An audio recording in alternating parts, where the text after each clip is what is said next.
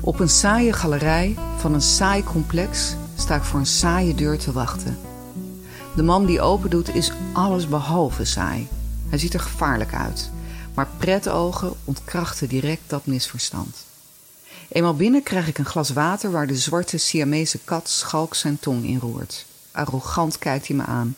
Nou lust je het zeker niet meer, hè? lijkt hij te willen zeggen. Ik aai hem over zijn rug en neem een slok. En dan gaat de voordeur open. Een tinkelende stem roept: Hi, ik ben er! En een fuchsia roze mond kust de man. Stralend stelt ze zich voor. Ze heet Bo. En ik ben instant dol op haar. Niet in de laatste plaats omdat ze direct uitroept: Wat zie jij er leuk uit? En wat een mooie rode lippenstift. Zij doet iets met kleren en hij iets met reclame. Op kantoor google ik wat voor vlees ik nou weer in de kuip heb. Hun 101 cover project op Facebook bevestigt.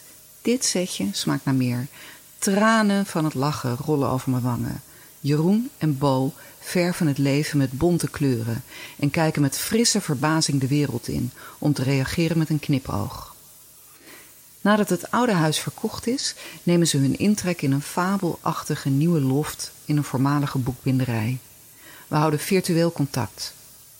Op een dag verschijnt er op Facebook een foto van een lichtbehaarde mannenarm. Een ziekenhuisarmbandje met de achternaam van Jeroen pronkt als potsierlijk sieraad om de pols.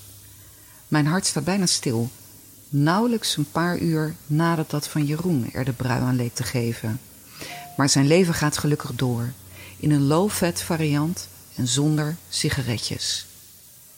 Jaren later zit ik tegenover Bo in de loft, die het midden houdt tussen het decor van Alice in Wonderland, een uitdragerij en een kunstgalerie. Ze vraagt me te helpen bij de verkoop van een stukje van hun bezit. Ze vertelt me, af en toe lachend, maar vaak ook snikkend, wat er is gebeurd. Op een kwade dag stak Jeroen een sigaret op. Hij was vergeten dat hij niet meer rookte. In een paar dagen tijd greep een octopusachtig monster van woekerende cellen meedogenloos om zich heen in zijn briljante hoofd. Er was niets aan te doen. Het monster kreeg zijn zin. Jeroen stierf een veel te vroeg dood en liet de liefde van zijn leven achter met de zekerheid dat zij nooit meer van iemand zo zou kunnen houden als van hem. Ze waren elkaars jeugdliefde. De tijd glijdt voorbij en ik zie foto's passeren van een galsteen als een biljartbal. De gal is het orgaan dat opspeelt bij liefdesverdriet. Van een tattoo met Jeroens evenbeeld rijdend op de rug van de inmiddels overleden zwarte Siamees. Een op haar huid geborduurd hart voor mama. En op een avond, browsend door Linda TV, blinkt zelfs een gouden tand sterretjes vanaf boze onderkaak mijn huiskamer in. Wat zie jij er leuk uit? Keert ze eindeloos blij een voorbijganger tegemoet.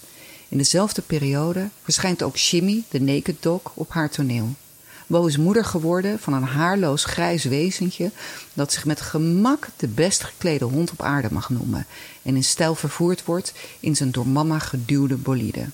En dan ineens, als uit de hoge hoed getoverd, lees ik het magische woord fiancé op de tijdlijn van Bo. En het blijft niet bij die ene keer. Ze belt me op. We moeten praten. Bo is gevallen voor een fabriekje in Zaandam. Op een industrieterrein, pal aan de Zaan. Het is tijd voor deel 2 van haar leven. Met de nieuwe fiancé. Met een stralende lach zegt ze over hem: hij is zo knap. En ter plekke belt hij. De lachende fuchsia roze mond beantwoordt de oproep met: Hi, liefde. En ze vertelt hem dat hij de volgende dag met mij naar Zaandam zal afreizen om het pand te bezichtigen.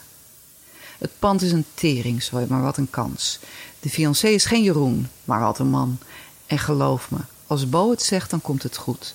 Zaandam is het nieuwe Amsterdam. Een industrieterrein, het nieuwe hipste stadsdeel. En een metselfabriek, de nieuwe loft. Iemand gaat hier heel gelukkig worden. Nee, twee iemanden, om precies te zijn. En een klein bloot hondje.